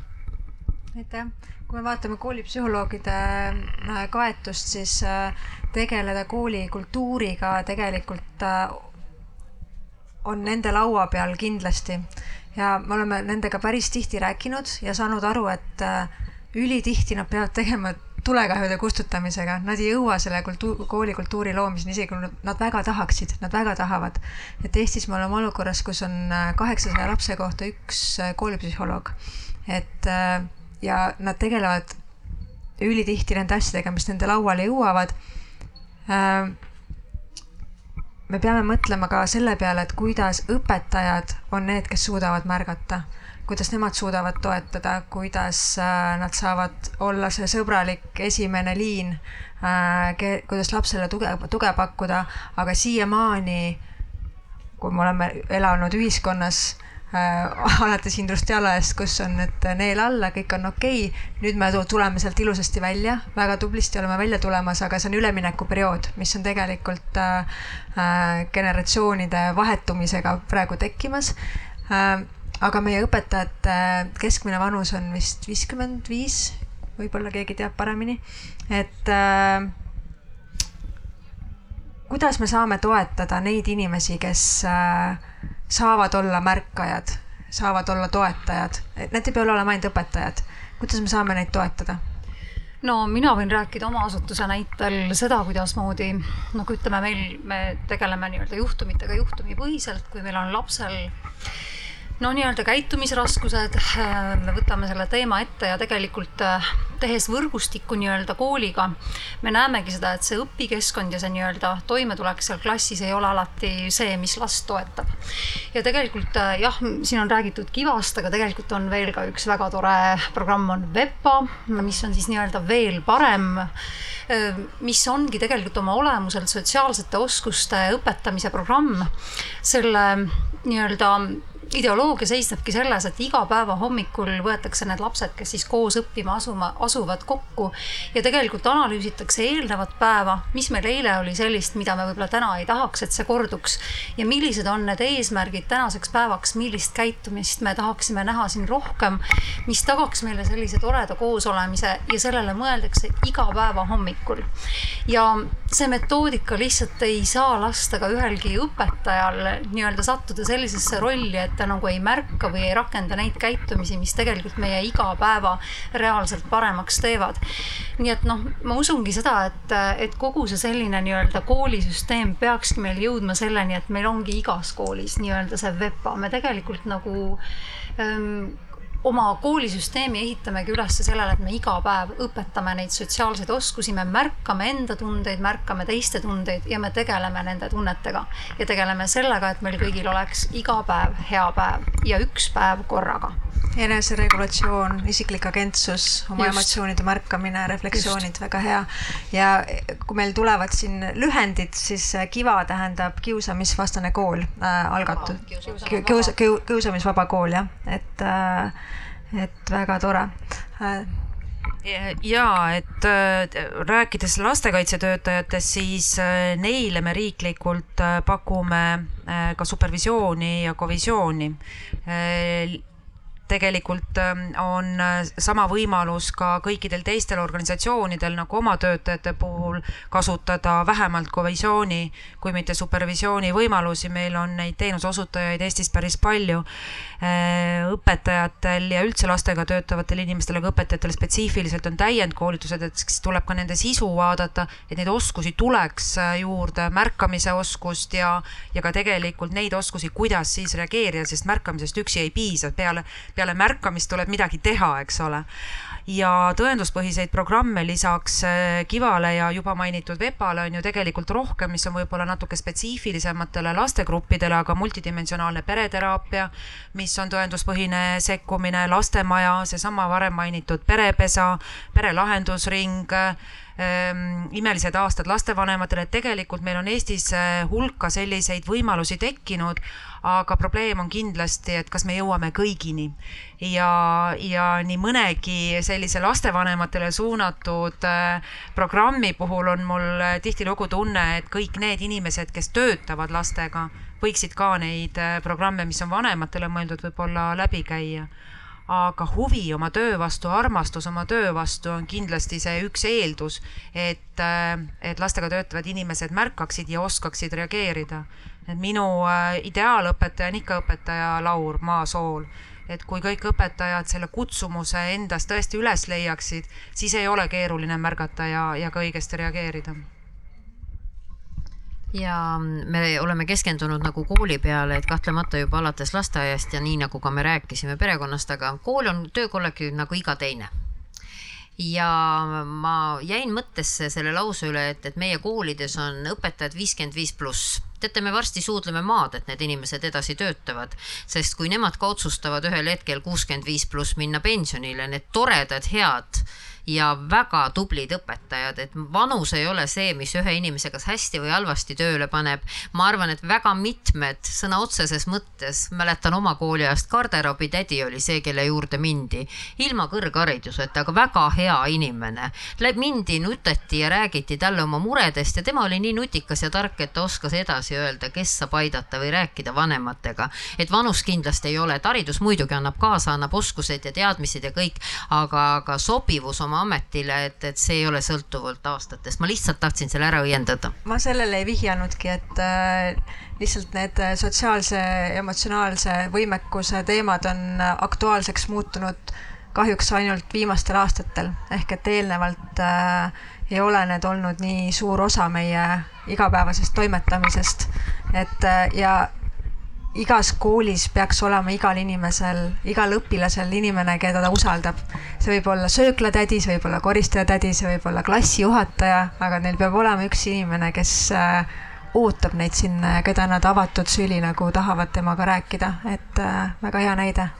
Sa ütlesid, et äh, viimased aastad on need, kus teemad on nagu, nagu tulnud esile ja me räägime sellest kui rääkida spetsialistidest ja ekspertidest, siis nemad on kogu aeg rääkinud ja seda tonti seinale maalinud.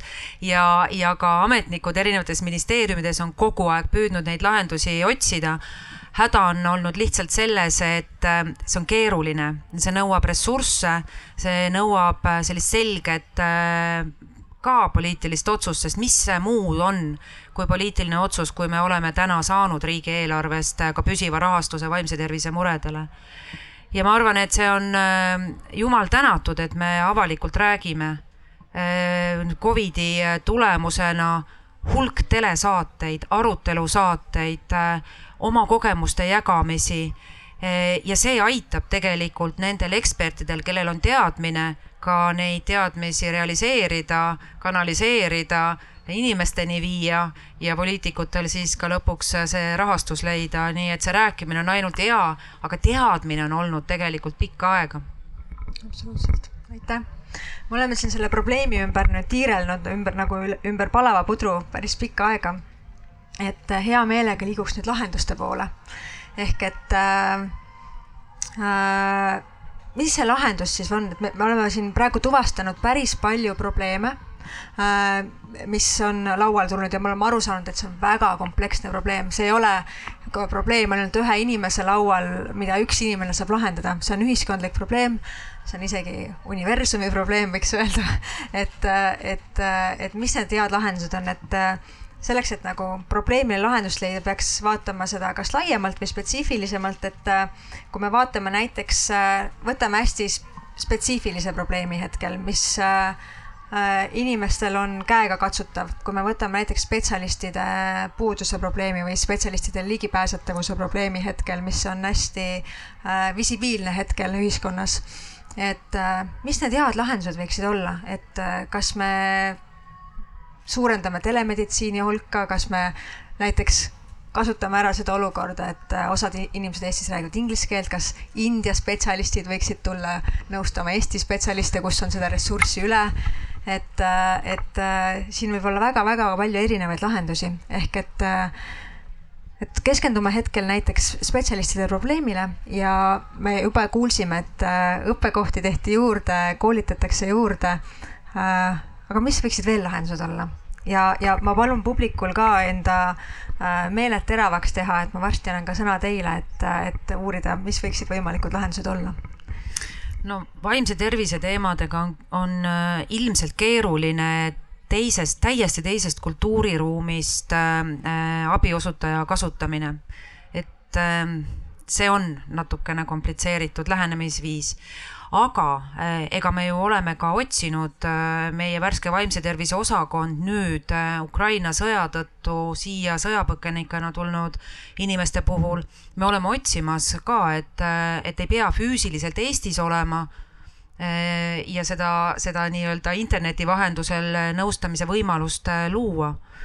samamoodi me oleme ukrainlasi aidates otsinud äh, Ukraina enda inimesed, kes on äh, siis vastava ettevalmistusega ja kes on juba Eestis, et ka nemad äh, saaksid oma inimesi aidata. jälle ka see kultuuri konteksti küsimus natukene, noh, mitte ainult, et, et ikka töötajaid on ka vähe meil siin, et pakkuda keeleküsimused kindlasti tulevad ka siia mängu vaimse tervise teemade puhul taaskord ehm, inimene peab olema mugavustsoonis, ehm, et me ju räägime, kui oluline on interjöör näiteks eh, nõustamise puhul, et kindlasti ka see keele kontekst peab eh, mugavust eh, pakkuma. et see on, telemeditsiin kindlasti on teatud juhtudel võimalus ja, ja erandlikult siis Ukraina sõjapõgenike puhul me seda otsimas ka oleme aga noh, hea või halb uudis on see, et eksperte nüüd kohe kuskilt ja palju ei tule. see tähendab, et me peame paremini kasutama olemasolevaid tippspetsialiste ja rohkem eh, siis pakkuma kas ennetust, aga ka neid madala lävendiga teenuseid. Nende juurde loomine on kindlasti üks võimalus, mida ma olen ka varasemalt öelnud, et me peame kriitiliselt üle vaatama, mida me oleme oma vähesed pädevad psühhiaatrid tegema pannud ähm, autojuhilubade puhul, äh, siis äh, relvaloa puhul, äh, siis selleks, et puude raskusaste tuvastada, siis selleks, et rehabilitatsiooniteenust saada, siis selleks, et ähm, rajaleidjas hinnang saada ja nii edasi ja nii edasi, kohtumeditsiiniline ekspertiis siia juurde. me oleme koormanud sagedasti need psühhiaatrid tohutu tõendite väljastamise sellise äh, vajadusega ja, ja patsiendi, akuutse patsiendi jaoks jääb äh, liig vähe aega. mida ka lastepsühholoogid on öelnud, et nende jaoks on oluline, et neil oleks patsient kuhugi edasi anda või suunata. et kui diagnoosimine ja, ja siis ka ravi määramine on tehtud, et äh, ega psühhiaater ei jää ju valvama seda, kas õigel ajal tabletti võetakse või muid ravijuhiseid eh, järgitakse, et ka siin on nagu tegelikult võimalik parendada, et tõepoolest määratud ravi siis jõuaks lapseni. et, et, et need on need asjad, millega tegeleda saab no sellele küsimusele ilmselt, et äh, spetsialiste on vähe, võib-olla tuleks üle vaadata ka siis see, et meil lasteaedades töötavad, koolides töötavad inimesed, aga noh, nii nagu ka äh, teised väga olulised, kes puutuvad kokku perede ja lastega, et äh, väikeste täiendkoolitustega on võimalik nende inimeste arvu suurendada, kes saavad seda esmast märkamist ja abi ka pakkuda. et see võib-olla ei ole ka väga kulukas, aga ta annab igal juhul parema tulemuse just siis, kui see häda on väike alles aitäh, Liina. ma pakuks äh, nii sama, et esmakoolitused. et näiteks hiljuti ma märkasin, et Tallinna Ülikool pakub õpetajatele koolitust, kus äh, õpetataksegi reaalselt, kuidas äh, märgata, et õpilasel on näiteks vaimse tervise probleem ja mida ka nagu selles osas teha. ja see võiks olla nagu kõikidel äh, pedagoogidel näiteks kohustuslik koolitus. sest et noh kõigil võib-olla peredes ei ole seda head keskkonda, et võib-olla enda vanem on ju suunaks abi otsima. seega nagu järgmine võimalus ongi see, et näiteks koolis pedagoog äh, on hoopis see, kes märkab ja no, aitab nagu noorel abi otsida. väga hea ja meie oma rehabilitatsiooniasutusega oleme siin juba seda rolli tegelikult võtnud, sest paraku, kui sa ikkagi ei jõua sinna selle spetsialisti juurde ja noh, viimati just oli nii-öelda asenduskodust äh, meil üks teema, kus ähm, nii-öelda lõikuvat last ei vii enam kiirabi ära, noh, tegelikult me olemegi nii-öelda selles rollis, et me kuulame selle juhtumi ära ja tegelikult asumegi siis asenduskodu kasvatajaid nõustama, mis on see, mida ta saab teha. et ikkagi need, mida me teha saame, on see, et ikkagi sellel lapsel või noorel on usalduslik suhe tõenäoliselt puudu, siis me asume nii-öelda looma, noh, otsima seda võrgustikku, käivitama neid inimesi tema ümber, kes siis suudaksid selle nii-öelda emotsionaalse suhte taastada ja noh, õnneks tõesti väga paljudel juhtudel on sellest abi, et see, seesama nii-öelda lähedane, nagu sa enne ütlesid, et see oleks koolikeskkonnas, kuhu laps ei taha minna, et kui tal see rõivistutädi või keegi on, kellega ta saab seal oma nii-öelda mure ära rääkida, siis noh, need ongi need meetodid, mis on aidanud. aga ütleme, psühhiaatrilise teemaga sellest väga pikalt ei pruugi abi olla. et kui see teema on lahendatav selliselt, siis kindlasti meie asutus vähemalt ja ma usun, et ka paljud teised nii-öelda rehabilitatsiooniasutused seda abi pakuvad, aga paraku nii-öelda puudega laste korral, noh, kui tekivad perepesad ja kõik sellised kohad, kuhu on ka võimalik nii-öelda inimesel tasuta pöörduda, mille maksab kinni riik, siis need on tõenäoliselt need kohad tulevikus, mis aitavad seda spetsialistide puudust leevendada. aga noh, mitte nii-öelda viimase piirini. aitäh ja nüüd on äh, aeg, äh, palun, oleme väga loovad, olukord on keeruline, aga siin on väga palju loovust vaja. ehk et äh, ootaksime, mis on teie peades, mis võiks olla lahendus praegusele olukorrale? tere, nimi on Taavi. tervisesüsteemi poole pealt ma tegelen peamiselt erinevates riikides tervisesüsteemide reformidega, et mul on rohkem kommentaar kui, kui lahendus, sellepärast et äh, see, mis ma kuulen siit, olen käinud läbi kõikide tervise nende äh, diskussioonide ja, ja minu jaoks see diskussioon praegu siin, see, mis toimub vaimses tervises Eestis praegust, näitab teed äh, kogu tervisesüsteemile Eestis sest need lahendused on, neid on arutatud mujal ka, aga te ise räägite sellest, kuidas kaasata teisi spetsialiste, kuidas asendada, minna madalale, madala intensiivsusega asjadele. Te pakute ja arutate reaalselt neid asju, mida teised alles kompavad. Et selles mõttes see, mida ma näen praegust vaimses tervises Eestis arenevat, see on, see on, see on, see on väga sihuke muljetavaldav minu jaoks ja minu jaoks vaimne tervis praegust näitab teed ülejäänud tervisesektorile Eestis ja ma põhjendan seda hästi kiirelt ka veel, miks, et, et, et ähm, vaimse tervise puhul on see füüsilise tervise probleemid ähm, ka nagu sagedasemad ja vastastikku onju. Ehk siis see, mida te teete siin, mõjutab väga otseselt kogu ülejäänud tervisesektorit um,. ja see on, selles mõttes ma tahan tänada teid, paneliste, diskussiooni praegust täna siin, et te olete koos loonud midagi paremat ähm,. siin on see üksmeel ja üheskoos töötamine on minu jaoks nagu väga selgelt nähtav olnud siin võrreldes mingite teiste diskussioonidega. ja hästi kiire kommentaar veel selle, et kas, kas on vaimse tervise kriis või mitte. Ma olen aastate jooksul hästi palju uurinud rahvastiku tervist erinevate suremuse ja muude asjade puhul. ja üks metoodika, mida me kunagi kasutasime, oli see, et me lasime hinnata inimestel, tavainimestel, kuidagi raskeks nad hindavad erinevaid terviseseisundeid. näiteks reumatoid versus depressioon versus äh, nohu sada seitsekümmend erinevat seisundit ja üle aastate, mis on juhtunud, on see, et kunagi alguses olid prioriteedid Eesti inimeste jaoks olid need asjad, mis äh, aitasid ellu jääda. Liiklussurmad, vigastused, muud sellised asjad, mis on ka suremusstatistikas näha. ja, ja miks ma ütlen, et praegust tegelikult ei ole, nagu, isegi minu jaoks ei ole kriis, vaid see, et meie ühiskond on saanud piisavalt küpseks. et me oleme jõudnud sinnamaale, et me juba räägime, prioritiseerime vaimset tervist, et minu jaoks on sihuke tõeline nagu aplausi koht, et vinge, et need asjad, mis on kogu aeg olnud, mis on kunagi vanasti võib-olla isegi hullemad olnud, me räägime, tegeleme nendega. et see on mu jaoks nagu hästi oluline ja jõudu ja, ja töötage edasi üheskoos samamoodi, nagu te siin olete täna teinud, et äh, suur tänu.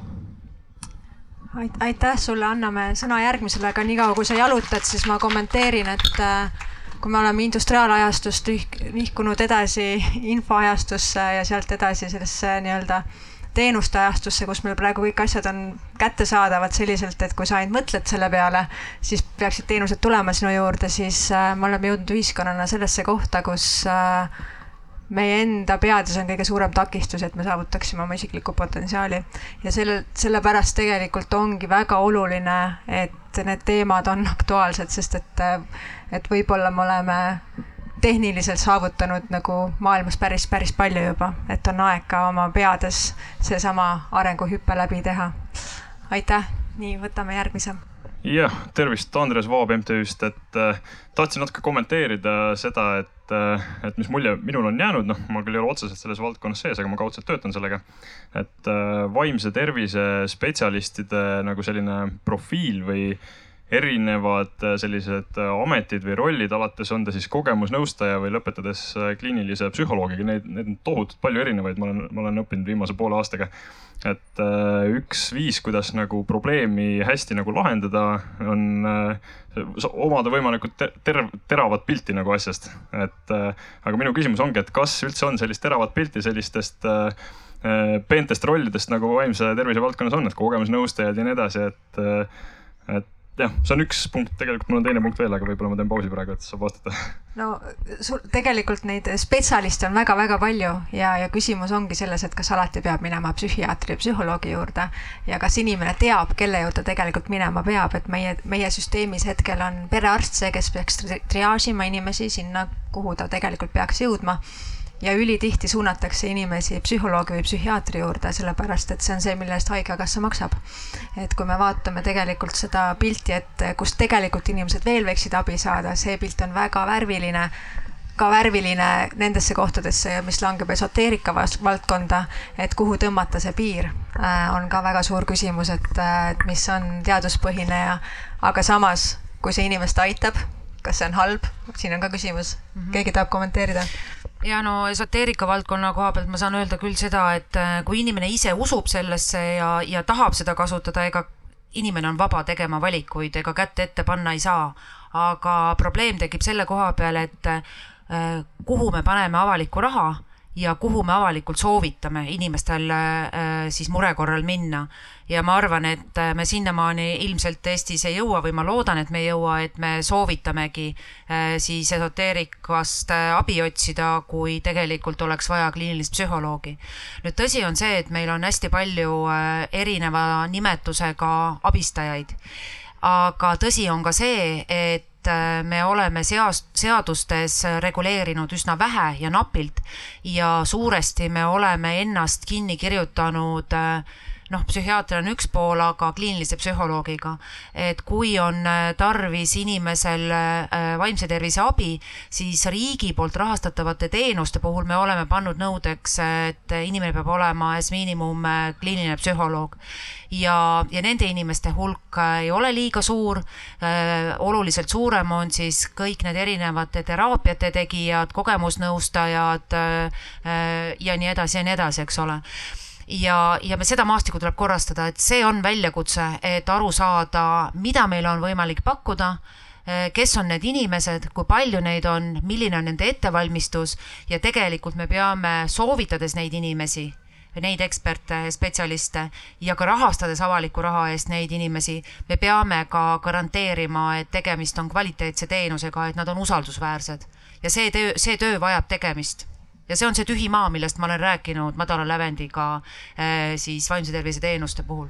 See on äh, väga hea punkt, sest et mul äh, järgmine mõte oligi just seotud rohkem nende nii-öelda vähe kaardistatud või siis nii-öelda selle madalama taseme nii-öelda abi spetsialistidega, et siin hommikuses arutelus oli just ühes teema, et kuidas koolides paremini abi anda, nagu näiteks on autismispektriga õpilane, et noh, õpetajatele on väga raske panna lisakohustust, nad on juba niigi nagu kistakse lõhki, et noh, koormus on väga kõrge et ja koolipsühholoog samamoodi, et tihtilugu tegelikult koolipsühholoog isegi on näiteid, kus ei ole suutnud nagu anda nagu nõu, et kuidas siis selle autismispektri häirega õpilasega siis äh, nagu hästi toime tulla. aga seal just tuligi mõte, et võib-olla just needsamad kogemusnõustajad, näiteks kasvõi lapsevanemad ise, et tuua neid rohkem mängu kuidagi, et integreerida neid rohkem, et äkki seal on väga palju kasutamata ressurssi, kust saab palju nagu vunki juurde. noh, klassiruumis ma siiski arengud viivad meid sinna, et meil on abiõpetajad äh, äh, selliste laste jaoks. Ehm, ma arvan, et et see õhustik klassiruumis läheb keeruliseks nii õpetajale kui teistele õpilastele, eriti kui on väikeklassid, kus on rohkem erivajadusega õpilasi, kui liiga palju kõrvalisi inimesi sinna tuleb ja kui ka igal erivajadusega õpilasel oma abistaja kaasas on, aga abiõpetajad peaksid olema üks-viis Eh, ja teine, mis siis leevendab õpetaja, eks ole, seda olukorda, kui on klassis mõni keerulisem õpilane.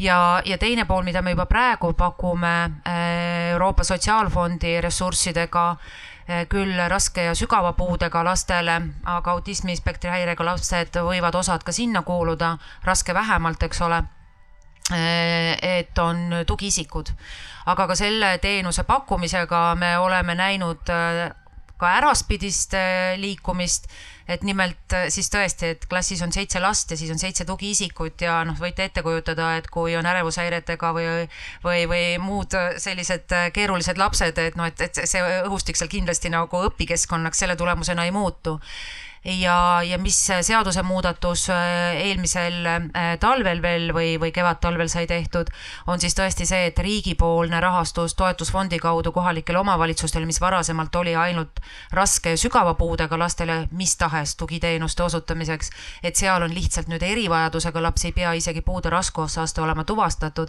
nii et ka need ressursid on siis avatud väga erinevate laste abistamiseks. aga ma jätkuvalt arvan, et äh, koolikeskkonnas on mõistlik rakendada rakendada abiõpetajaid ja vähemalt eelmine haridusminister oli, oli kindlasti ka sama meelt, et Tõnis Lukasega ma pole sel teemal veel jõudnud vestelda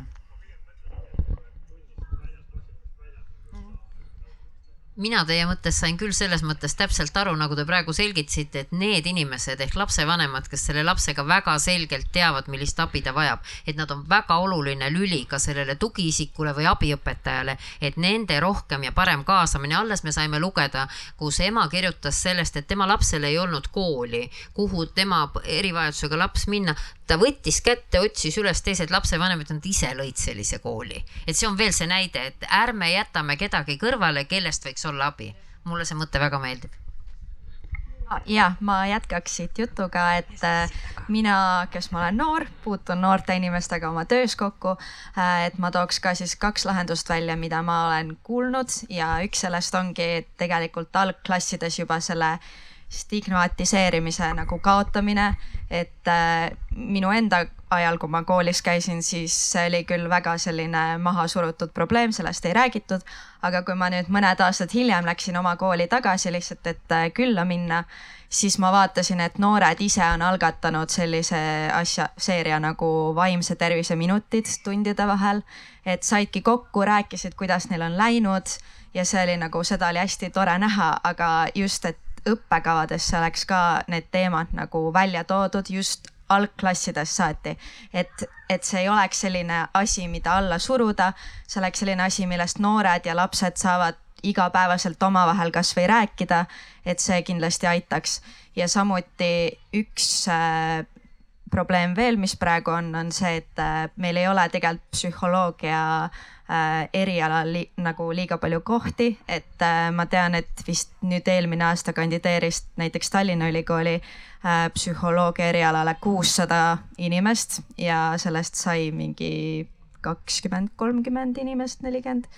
Äh, et äh, tegelikult neid tahtjaid on, kes tahavad selle probleemiga tegeleva, tegeleda just noori inimesi, ma näen nagu isegi oma tutvusringkonnas väga palju potentsiaalikaid tulevasi psühholooge.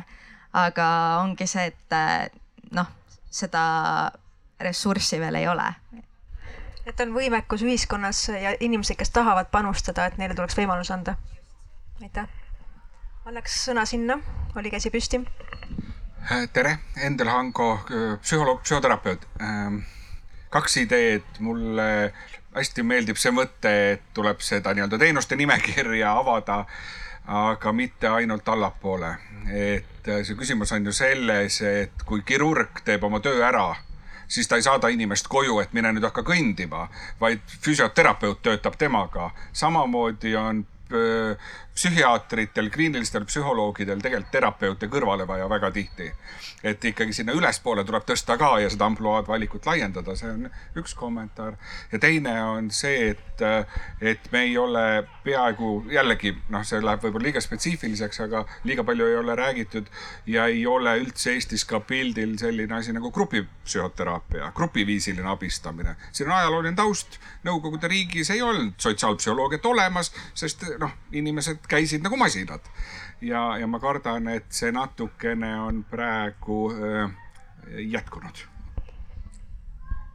Aitäh sulle, äh, see äh, psühhiaatrite tugi, et ma tean, et ideaalis oleks see ratio ühe psühhiaatri kohta vist neli psühholoogi, Eestis on praegu kaks, mis tähendab seda, et see tegelikult tugi, see rühma suurus tegelikult peab suurenema, et äh, kes saaksid tegelikult siis toetada seda ja võib-olla ei peaks ka nad ise tegelema selle triaažiga vahest, et inimesed jõuavad sinna ja siis tegelikult tuleb välja, et nad tegelikult peaksid kuskil mujal olema, et see võtab kõik nende aega. lisaks sellele kõigele, mida Signe välja tõi, et millega nad veel, veel peavad tegelema ja ma tegelikult äh, nüüd korraga kommenteerin, et äh, mõlemad sellised märkused ja ettepanekud on äärmiselt õiged ja asjakohased ja mm, lihtsalt siia kõrvale, et võib-olla raha nappuse tõttu, aga sotsiaaltöös ja sotsiaalvaldkonnas me grupinõustamist äh, rakendame päris palju. Äh, just nimelt äh, sellepärast, et suurem hulk inimesi saaks abi et see on meile tuttav, aga, aga ma tean, et, et see võiks olla ka laiemalt kasutatud siis vaimse tervise kontekstis? ainus asi ülikooli ajal, kus ma sain sotsiaalpsühholoogiat õppida, oli sotsiaaltöö õppetool ja kas ma võin ka kommenteerida ja. selle osa ära, et seesama nii-öelda äh, psühholoogilise toe pakkumise projekt, mis siis nii-öelda pooled omavalitsused jätsid kasutamata. võib-olla siin on ka äh, see koht lihtsalt mõelda, et äkki oleks mõistlik olnud anda see nii-öelda meditsiinisüsteemi kätte, kus ta siis nii-öelda selle perearsti, ei no lihtsalt mõttena, et kui meil jäi pool kasutamata, see jällegi on see, et kui kohalik omavalitsus on võimekas, siis ta aitab oma inimest. aga kui seal on mingisugused raskused või on seal ajutiselt, ma ei tea, töötaja puudu või mis iganes iganes väiksemas kohalikus omavalitsuses võib olla, siis tegelikult äh, ei ole seal võimekust, et seda nii-öelda noh, projekti ellu viia. et seega valida need nii-öelda stabiilsemad või kindlamad lahendused, kus see raha saaks tõesti kõik ära kasutatud ja jõuaks abivajajani et, et korrektne informatsioon õhku jääks, siis äh, ma ütlen üle, et äh, pooled omavalitsused on taotlenud, seda ressurssi on veel ja, ja võib tulla taotlema. ja ma täitsa kindlalt olen seda meelt, et see ressurss pidi minema kohalikele omavalitsustele ja kogukondadele muud rahastusallikad on tervishoiusüsteemile ja Haigekassa eeskätt ja ka Haigekassa rahastusskeemides on muudatusi vaja ja ka neid me planeerime. üks muudatusettepanek on ka praegu Riigikogus, loodetavasti nüüd sügisel siis see vastu võetakse ja, ja, ja süsteem natuke paindlikumaks läheb, mis perearsti teraapiafondi rahastust puudutab just vaimse tervise kontekstis, aga, aga see sai ka laiendatud teistele siis äh, logopeedidele ja, ja, ja muudele spetsialistidele, et et ma arvan, et see on täpselt see koht, mida ma enne ütlesin, et me oleme jube keerulises olukorras, et, et ei saa arendada ainult seda jäämäe tippu. Me peame ehitama ka püramiidi alumisi astmeid ja, ja see kohalike omavalitsuste ressurss on just alumiste trepiastmete jaoks ja, ja paralleelselt tuleb kahel rindel võidelda. nii on ja et seda olukorda veel natukene raskemaks maalida, on tegelikult see, et, et äh, kõik need probleemid, mis tulevad majanduslikust seisust, sügisest, mis on tulemas ees, raskustest, äh, need kajastuvad peredes ja tegelikult need kajastuvad vaimses tervises ja noh, lastes nagunii, sest pere üks osa on ju lapsed, eks ole, ja, ja nemad tihtipeale äh,, vanemad ei aruta kõike ka nendega, hoides neid nagu eemal sellest murest, aga tegelikult nad muretsevad kõik ja tuulevad ja saavad sellest väga hästi aru, nii et, et targem on laua äärde võtta, et minu peres oli tavaliselt niimoodi, nagu lapsed ütlesid, et eriti mu tütar, et ei, meil saavad kõik rääkida, aga pärast teeme ikka nii, nagu ema tahab aga mul oli jälle nii, et lasteaias kasvataja peale esimest nädalat ütles, et nojah, teie lapsest on näha, et temaga kodus räägitakse, tema arvamust küsitakse. aga ta ei olnud väga rahul, see kasvataja. aitäh.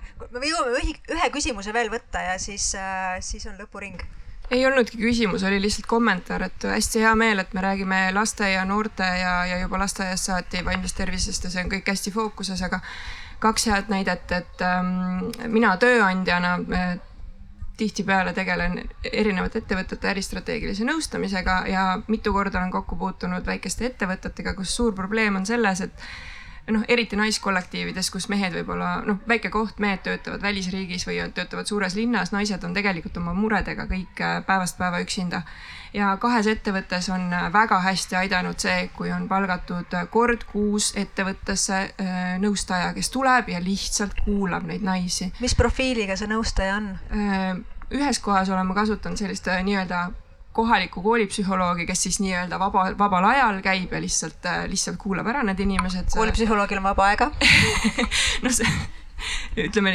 seal oli siis selles kogukonnas oli võimalik leida selline inimene, kellel oli siis, oli, oli võimekus. ja teises kohas samamoodi siis minu meelest see oli Tartus, kas seal on äkki mingisugune selline era, erapraksis, kuskohast oli siis võimalik sellist teenust tellida. et jube hästi on aidanud inimesed, inimesed saavad vähemalt oma mure ära rääkida ja teine asi, mis sealt edasi tuleb, et, et kui me räägime täna, et me Äh, koolipsühholoogidel ja koolis võimaldame, tekitame neid samu vaimse tervise minuteid, toome selle vaimse tervise fookusesse ja need lapsed juba julgevad rääkida oma murest äh, siis kodudes äh, on väga palju vanemaid, kes laste vaimse tervise mure peale lihtsalt naeravad, sellepärast et neil on endal see vaimse tervise mure kogu aeg lükatud tahaplaanile. Nad ei taha seda selles mõttes, nad ei taha seda võtta murena, vaid see on selline igapäevaelu, kuidas ma siis ütlen, äh, segav väike selline vigin, et no ole hea, saa hakkama, et äh, vaata internetist, räägi sõbraga või et kas sul ikkagi päriselt on mure, et igasugused äh, noh see, kui see, kui see laps juba lõigub ennast, on seda, seda juba võimalik tuvastada, aga kui tal on mingisugune toitumishäire või, või, või mingisugune muu mure, millest ta tegelikult ei julgegi kodus rääkida siis hea näitena toon jälle selle, et meie väikeses koolis tehti siis äh, lastevanemate koosolek, seal esines koolipsühholoog, kes siis oli esimest aastat koolis. Äh, tõi, tegi lihtsalt sellise slaidikava, et äh, mis on tema tööülesanded, tutvustas seda, kuidas tunda ära siis samamoodi lapse vaimse tervise mingisugust probleemi ja pärast seda võttis kokku siis lapsevanemad ja moodustas lapsevanemate jaoks tugirühma kes siis tundsid, et neil on vaja sellest teemast kas rohkem infot või neil on kodus äh, probleemiga laps ja kooli juures käib siis selline lapsevanemate tugirühm, mitte ainult laste tugirühm. et seal on äh, samamoodi nagu siin toodi välja, on grupiviisiliselt võimalik neid inimesi nõustada ja nad saavad ka omavahel pärast rääkida ja omavahel nagu seda teemat arutada. et noh, sellised kaks lahendust. kas ma võin korra, korra kommenteerida?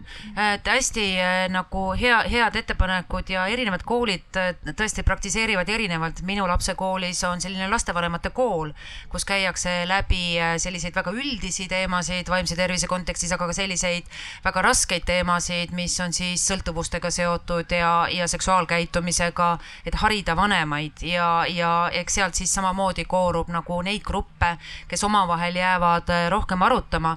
Covidi ajal oli muidugi keeruline, sest kõik oli üle veebi ja, ja vanemate omavaheline suhtlus jäi väiksemaks. aga mida ma tahan öelda, mis on natukene riskantne, on see, kui noored jäävad üksteist nõustama ja internetist abi otsima. et kui, sõnum noortele peaks olema see, et leia usaldusväärne täis, täiskasvanu, sest täiskasvanu oskab anda ikkagi adekvaatset hinnangut sellele olukorrale ja suunata ka õigesse kohta, sest noored äh, isekeskis äh, väga kreatiivsed, aga vahel läheb see loovus äh, võib-olla valesse kanalisse. Ja, ja, ja see võib riskantne olla, et kindlasti on täiskasvanu tugi selles väga hea ja, ja noh julgustada lapsi ka, et, et nad räägiksid ka mitte ainult enda muredest, vaid sõprade muredest täiskasvanutele, et see on noh, et nad ei jääks märkamata. aitäh ja siit tegelikult tuli päris palju vahvaid ideesid, mis tegelikult ei nõua tippspetsialisti sekkumist ja, ja palju raha ehk et ja see on veel järgmise arutelu teema, et kas spetsialistide puudus või rahapuudus, et, et sinna me täna ei jõua minna, aga, aga väga palju asju saab ära teha. mulle väga meeldis see grupinõustamise teema, mulle väga meeldis see teema, et sa võid kutsuda inimesed, kes lihtsalt kuulavad. ka sellest on vahest tihti abi. et ja see märkamise osa, aga enne kui me veel lõpetame, kuna ma tean, et poliitiku elu on tegelikult väga stressirohke, et võib iga, igasuguseid asju, mis rajalt maha võtavad, mis on teie isiklikud äh, strateegiad ja mõned head nipid veel äh, tänaseks õhtuks, kui kõik koju lähevad, et mis teie isiklikud nipid on äh,, kuidas äh, vaimse tervise muredega ise toime tulla? annan sõna kõigile, et äh, kes soovib esimesena? no ma võin alustada äh, eks need strateegiad elu jooksul ja ajas muutuvad. varasemalt ma siin enne ka ütlesin, et depressiooni diagnoos ei ole mulle võõras siis julgen siin siis päris äh, varstidele silma vaadata, aga ma ei võtnud antidepressante lõpuni ja, ja jooksmine, pikamaa jooksmine oli see, mis äh, siis mind äh, tegelikult aitas, võib-olla natuke läks see üle võlli mingil hetkel äh, ja viis üsna mitme täispika maratonini, aga no mis siis? Et, et kindlasti füüsiline liikumine on nagu selle asja kokkuvõte. ähm, peresuhted on hästi olulised, et lastega koos olemine, et kui need suhted on korras ja neid üleval hoida kogu aeg äh,, seda rauda nagu tules või soojas, siis see kindlasti on rahuldust pakkuv. lihtsalt aeg endale, nagu lihtsalt päris endale aeg seda ei ole palju võimalik võtta, aga, aga siis, kui see hetk on, et siis sa märkad seda hetke, et nüüd sa oledki iseenda jaoks, ükskõik mida sa teed. Sa jalutad või loed või lähed üksi kontserdile, vahet ei ole, aga sa märkad seda, et nüüd ma olen mina ise ja ma kuulen iseenda mõtteid iseendaga olemine on tugeva inimese märk, sest et päris tihti inimesed peidavadki ennast töö ja, ja muude asjade taha, et, et mitte olla iseendaga, kuna see võib vahest raske olla ja kui sa suudad iseendaga olla, siis äh, see on juba väga suur asi.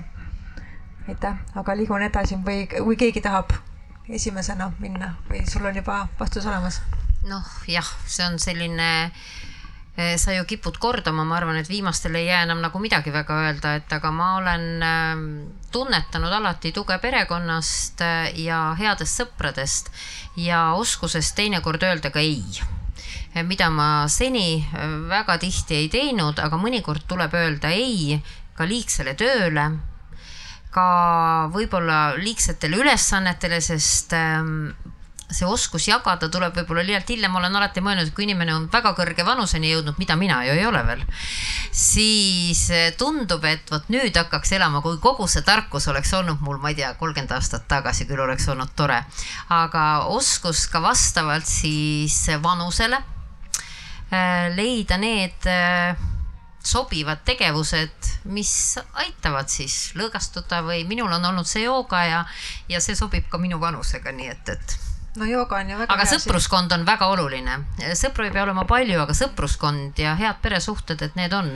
ja kui äh, on veel lisaks sellele head kolleegid, no mis saaks olla siis ju parem, et hommikul lähed tööle rõõmuga ja õhtul tuled töölt rõõmuga, sest ühel pool on head kolleegid ja teisel pool on toetav pere. et jõudu annavad sõbrad ja jooga. väga hea. pere ka. mees ja koer ja lapsed. aitäh, Liina no nagu eelnevalt mainitud, siis pere ja tuttavad, et ümbritseda ennast äh, lähedastega, kes mõistavad. võib-olla mingi, kui, kui hakkavad juba korduma, siis võib mingi väga konkreetse asja nimetada, kus sina isiklikult jõudu saad või mis sa teed, mis sa päevas teed, et, äh, et homne päev tuleks ka hea või tänane päev oleks hea? leian selle aja, et võib-olla iseendaga olla ja mm -hmm. valmistuda järgmiseks päevaks vaimselt isiklik refleksioon ja endaga olemine. just. aitäh. no minul jääb ka lisada, et ma naudin väga üksi olemist, kuna töö on igapäevaselt inimestega, siis tegelikult see iseendaga olemine ja, ja see nii-öelda ventileerimise hetk, mis annabki siis mõelda veel sellele, mis on need asjad, mida mina saan muuta. et ma tegelen ikkagi sellega, mida ma saan muuta ja kõik see osa, mida ma ei saa muuta, selle ma ikkagi jätan endast maha ja võib-olla poliitikuna on nagu see pool, et tegelikult see, kui me saame nagu seista nende väärtuste eest, mis on tõesti meie jaoks olulised, siis see on ka oluline eneseteostus ju tegelikult. nii et äh, ma pakuks ka, et siiamaani ma olen Tartu linnavolikogus, minu poliitikuelu ei ole nii hullumeelne võib-olla, et ma sellest küll nii-öelda meie otsustest sõidetakse küll ka korduvalt üle, aga siiski ma tunnen, et äh, ma seisan õige asja eest ja ma arvan, et see on nagu kõik eneseteostus. Ja pere ka, mul on äh, kaks poega, nunnu koer, kahekümne kaheksa aastane abielu. Ja, ja tõesti pere. Äh, ja ma elan maal, mul on veel kasvuhoone, nii et noh, tegelikult äh, need kohad, kus nagu käsi mulda panna või, või ennast teostada, on päris mitu.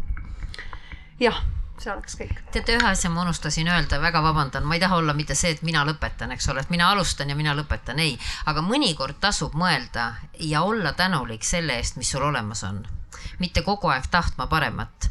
et äh, ma ei tea, see on selline, mis annab hingerahu, et sa oskad vaadata neid asju, mis sul olemas olla ja olla selle eest tänulik. uskuge, see aitab.